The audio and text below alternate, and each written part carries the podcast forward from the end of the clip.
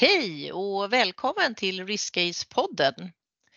I den här podden så vill vi lyfta fram nyttan med att ägna tid åt riskhantering och visa på att riskhantering kan vara ganska enkelt eh, och kan vi brukar säga till och med roligt. Eh, risker finns ju inom alla områden och branscher så i den här podden så bör det finnas något för alla som är intresserade av att bli lite bättre på att hantera risk eller få ny inspiration. Jag heter Kristina Eriksson och jag är en av grundarna eh, av RiskAce. Och I det här avsnittet så kommer vi att diskutera området klimatrisker. kommer prata lite grann om vad en klimatrisk egentligen är, hur den påverkar företag, företagande, kanske lite om samhället. Eh, för vi har ju de senaste åren blivit ganska duktiga på att skriva ihop vår hållbarhetsrapportering i årsredovisningar och så vidare. Men det som är viktigt är ju också att vi kommer igång och verkligen jobbar med de riskerna som finns i vårt företagande.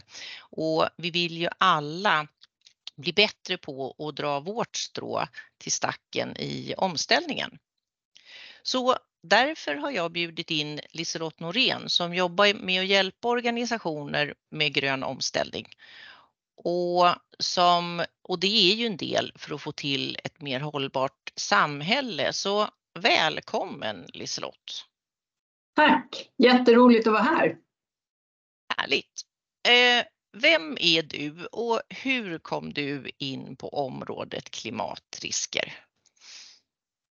Ja, men egentligen så är det nog så här att eh, jag är ju entreprenör och startade mitt första företag när jag var 14. Och sedan dess har jag hållit på och företagat. Och jag har egentligen inte riktigt förstått hur starkt det här med hållbarhet faktiskt är, ligger hos mig. Men när jag tittar tillbaka så kan jag se att jag egentligen alltid jobbat med någon form av utbildning men också med det här att saker och ting ska göras på ett hållbart sätt. Så att jag har jobbat med Naturskyddsföreningen till exempel för deras stora företagsseminarier och event och tittat på hur man skulle kunna förbättra dem. Och det här är ju ganska länge sedan när man började med det. Eh, och sen har jag, jobbade jag länge kring eh, Stureplan Stureplan, IT-branschen och finanssektorn. Och där fanns det ju en hel del saker att göra som vi kanske inte riktigt tänkte på då. Utan det här var ju runt millennieskiftet och framåt. Men sen när man börjar titta på att ja, men vad är det här då? Hur mycket, hur mycket sladdar och standards och vad är det för någonting som egentligen är den här digitala omställningen och vad, hur kan vi göra det på ett annat sätt?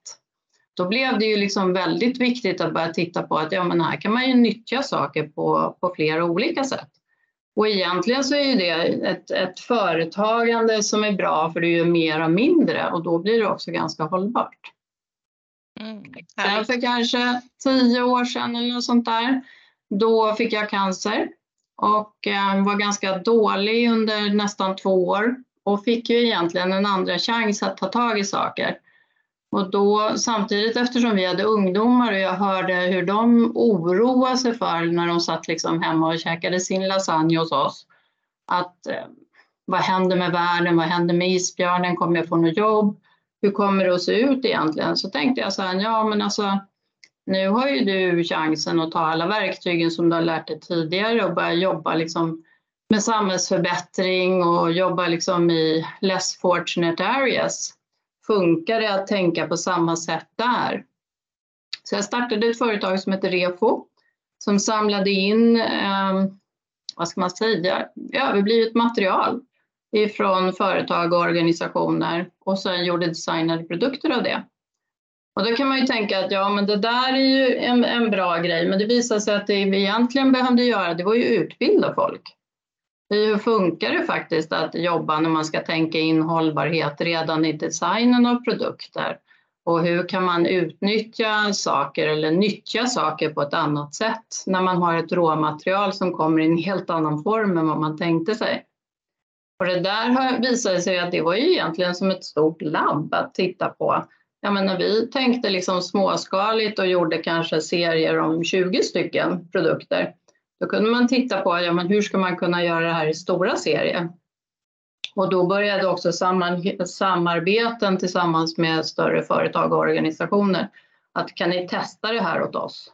Hur, hur kan man göra det på ett bra sätt? Och då efter ett tag så visade det sig att ja, men i den här branschen då när man jobbade mycket med hållbarhet och klimatsmarta saker och det som en del kallar för socialt företagande så var det väldigt mycket folk som blev utbrända. Och då startade jag en annan, en annan idé som egentligen handlade om att jobba smart. Och det är väl lite samma sak att eh, vi har en, en ökande ohälsa bland framförallt unga personer. Och i det en del, påverkas det av den här med klimatriskerna eller hur ser det ut egentligen? Så det här med ett hållbart samhälle, det har ju, det har ju ganska många olika aspekter. Absolut. Och du säger hållbart och vi säger klimatrisker. Hur mm. tycker du att de hänger ihop om vi bara ska om vi bara ska definiera lite grann. Ja, alltså kärt barn har ju många namn om man säger. För att det här med hållbarhet eh, har man ju tre dimensioner av egentligen. Man har dels den här gröna som handlar om den ekologiska hållbarheten och sen har man den sociala hållbarheten men också den ekonomiska hållbarheten. Alla de tre dimensionerna är egentligen, eh, tycker jag, en del av det som är vårt klimat. Och klimatet om man tittar på rent planetmässigt så är det ju så att där påverkas det också mycket av att hur vi, hur vi gör saker. Så det är kanske mm. lika mycket vad vi gör som faktiskt hur vi gör saker och ting som kommer att vara framgångsfaktorn tror jag. Absolut. Jag kan personligen tycka att eh, klimatrisk är lättare för mig att förstå, eller klimat när man pratar om så och mm. omställning än vad eh, själva hållbarhetsområdet är. Om jag ska göra en handlingsplan så kan jag tycka att ja, men då har jag nischat mig lite, lite mer eller vad jag ska säga. Så att, eh, men eh, det där är väl, det kanske är ett jobb som man behöver göra också inom en organisation. Att man får se till att man pratar lite samma språk.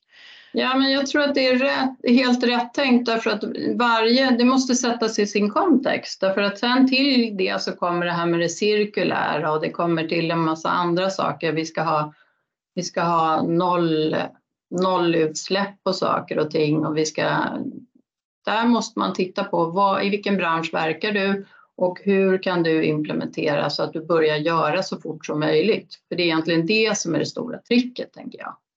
Just det håller absolut med. Eh, mm. Men om vi ska stanna, det här klimatförändringar påverkar ju liksom i princip alla verksamheter. På vilket sätt ser du det?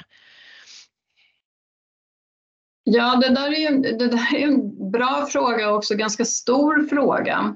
Men man kan ju tratta ner det lite grann så kan man säga så här, ja, Dels kan vi ju, bara det vi har sett här i Sverige, att vi har ett helt annat väder än vad, jag, vad vi haft förut. Så att det här med att ta höjd eller, eller att man ser till att man vet hur man hanterar en översvämning till exempel. Och att man också har koll på temperaturer men också titta på det här med elberoendet. För att vi får ju toppar och dalar på saker och ting och, och, hur slår det i den verksamheten? Alltså jobbar jag i en produktion och jag plötsligt har, som nu när man har haft en väldigt stark produktionsenhet och elpriset kanske har varit högt, då känns det ju som att marginalen bara smälter bort bokstavligt. Och det där är ju liksom både i min egen organisation men jag måste också titta på hela processen tänker jag. Hur tänker mina kunder? Hur tänker mina underleverantörer? Hur kan jag hjälpa, eller hur, snarare hur kan vi hjälpas åt så att vi tillsammans kan få till en bättre process som går liksom från ax till limpa? Därför att vi kommer att kunna hitta saker och ting som vi kan förbättra. Det är alltifrån hur vi förpackar saker och ting, hur vi samlastar saker och ting, hur vi ser till att att vi marknadsför grejer, att vi inte skickar med onödiga papperslappar utan, men också att vi faktiskt uppmuntrar folk att ja, men du får en kartong av oss, i det så har vi lagt det här pappret, det är gjort av returmaterial men tänk på att du kan återanvända allting. Eller av den här kartongen så kan du göra ett jättekul leksakshus till dina ungar om du klipper så här.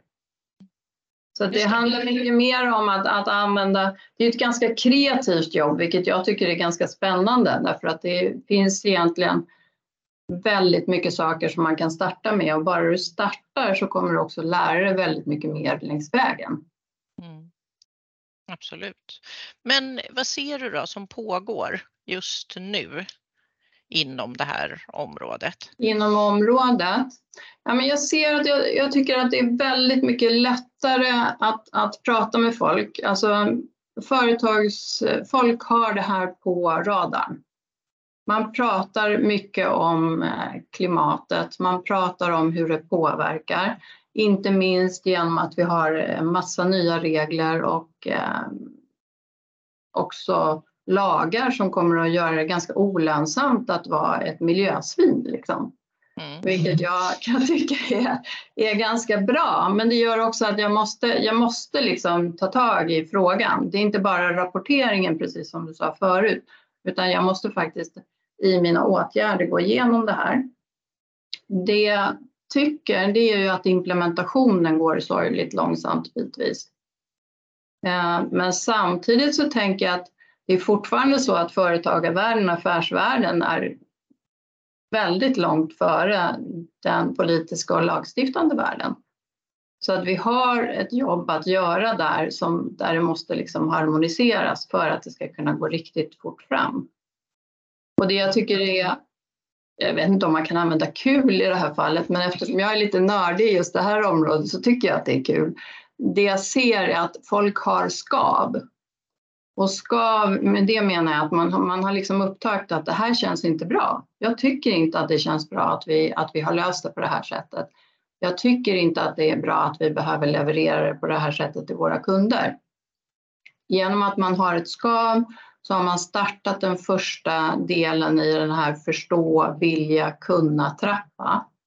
Och när man har börjat i den så kommer man ganska snabbt att vilja lösa det här på, på ett sätt som är mera hållbart. Just det.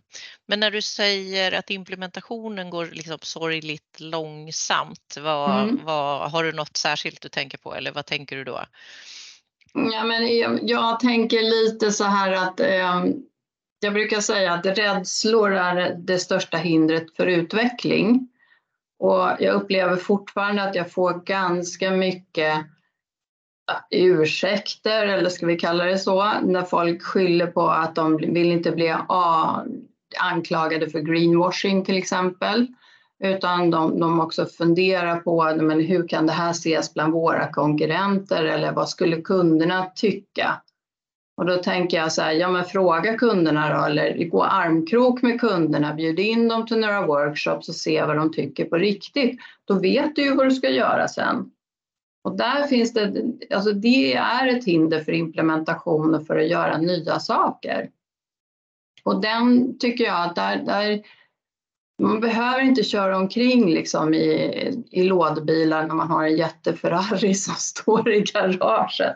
Om du förstår vad jag menar. Sen får man säga ja, den var ju elektrifierad då såklart. Men, men eh, ändå att man, man tänker att jag, behöver, jag kan faktiskt eh, jag kan öka i mina, min ambitionsnivå. Och jag tror att det finns allt att vinna på det därför att man har fortfarande ett försprång som företag om man sätter igång de här processerna nu än om man gör en omställning lite senare för att man måste. Mm. Och med din elektrifierade Ferrari där så menar du, om jag ska tolka dig rätt, att många har verktygen i sina egna händer redan ja. idag? Ja, de har sig i sina egna händer men kanske inte riktigt modet att köra fullt ut, utan man gör det som är tillräckligt bra. Och då kan man säga så här, ja men nu pratar du emot dig själv för du säger att bara man sätter igång och gör så, så kan man göra. Jo, fast man har ett ganska stort ansvar tycker jag om man är ett stort företag eh, på att eh, man har en stor impact då. Det blir sådana volymer snabbt. Och mm, hur tycker du att en organisation ska komma igång med sitt arbete och kunna utnyttja de här verktygen bättre? Ja, men jag tänker om vi backar lite grann så kan man säga så här att jag tror att det inom kort kommer att ge en högre lönsamhet att vara klimatsmart än att inte vara det. Dels för att det kommer att komma straffavgifter, det är jag ganska övertygad om, och det kommer att bli lite krångligt att, att inte vara eh, klimatsmart. Men sen, det som jag fastnade för lite grann när jag läste rapporter i veckan, det var att McKinsey kom ut med sin rapport där de sa att det här var nog det första året som de hållbara produkterna växer snabbare än de ohållbara. Och då var det inte bara liksom en sån där liten skrutsiffra utan det var 28 procent mot 20. Och då tänker jag, den är ändå så tydlig som man nog förmodligen kan se ett trendbrott. Och då blir det nog så att eh, då är det en kon konkurrensfördel att vara hållbar och klimatsmart helt enkelt. Eh, dels för att vi vill attrahera talanger och kunderna såklart och ha en annan typ av, av underleverantörer kanske för att där svarar, de på, där svarar en del större företag nu att de har varit tvungna att byta ut underleverantörer för att de inte kan redogöra för sin kedja ordentligt. Mm. Och där blir det ju också skillnad, men också just det här med att även kapitalet kommer man att kunna attrahera mera när man ordentligt kan redogöra för ett pågående och ganska starkt klimatarbete. Så där tror jag att det blir som vanligt, liksom, follow the money. Mm. Och då tänker jag så här att ja, dels så behöver ju ledningen visa vägen. För man kan inte städa trappor nerifrån. Utan det blir verkligen så att ja, men ledningen behöver eh, ha det här som en agenda, inte som en separat punkt tror jag. Utan man behöver liksom väva in det i allting man gör där man också har liksom ett, ett tänk hela tiden. Eh, ja men okej, kan vi göra det här på ett smartare sätt? Och då kanske det är så att det är lite lättare att tänka så här att ja men er, kan vi göra mer av den lösningen vi har just nu, det sättet vi gör den här processen på? Ja, det kanske vi kan. Vi kanske kan tänka in social hållbarhet på det. Vi kanske kan tänka på att vi lånar ut grejer på ett annat sätt. Vi kanske hyr och köper på ett annat sätt. Men det måste finnas en ram och den sätter ju ledningen. Och där måste man nog faktiskt börjar prata om det hela tiden. Eh, och då blir det ju så att de, pratar man om det internt men också externt och vågar säga att det här tycker inte vi är superenkelt. Eh, då tar man med folk på resan, man kan också engagera folk på ett annat sätt. Och genom att skapa det här engagemanget så får man ju också möjlighet att faktiskt visa folk att ja men det här gör vi, vi har startat, vi vet att inte det här kanske blir hundra rätt alla gånger men vi har ändå påbörjat arbetet. Och på det viset så tror jag att man också kommer att bygga en stolthet både internt men också attrahera både arbetssökande och också pengar och kapital som kommer den vägen därför man ser att här pågår det någonting. De här är också duktiga på att berätta vad de gör. De vill vara förebilder i det de håller på med. De gör en walk the talk. Mm. Och då blir det ju också Ja, och då blir det också, tänker jag, då kan man koppla på det här med storytelling. För vi har en liten krånglig tid nu. Det finns många, många hot, liksom, många utmaningar för oss och vi är ju människor oavsett vilken nivå vi sitter på i ett företag. Och just det här att, att berätta historier har vi i alla tider av, av eh, oro egentligen använt för att eh, så här kan man göra så här. Vi har klarat det förut. Går vi ihop nu tillsammans, börjar samprojekta med andra. Så tänk lite på tvärsen istället, tänker jag.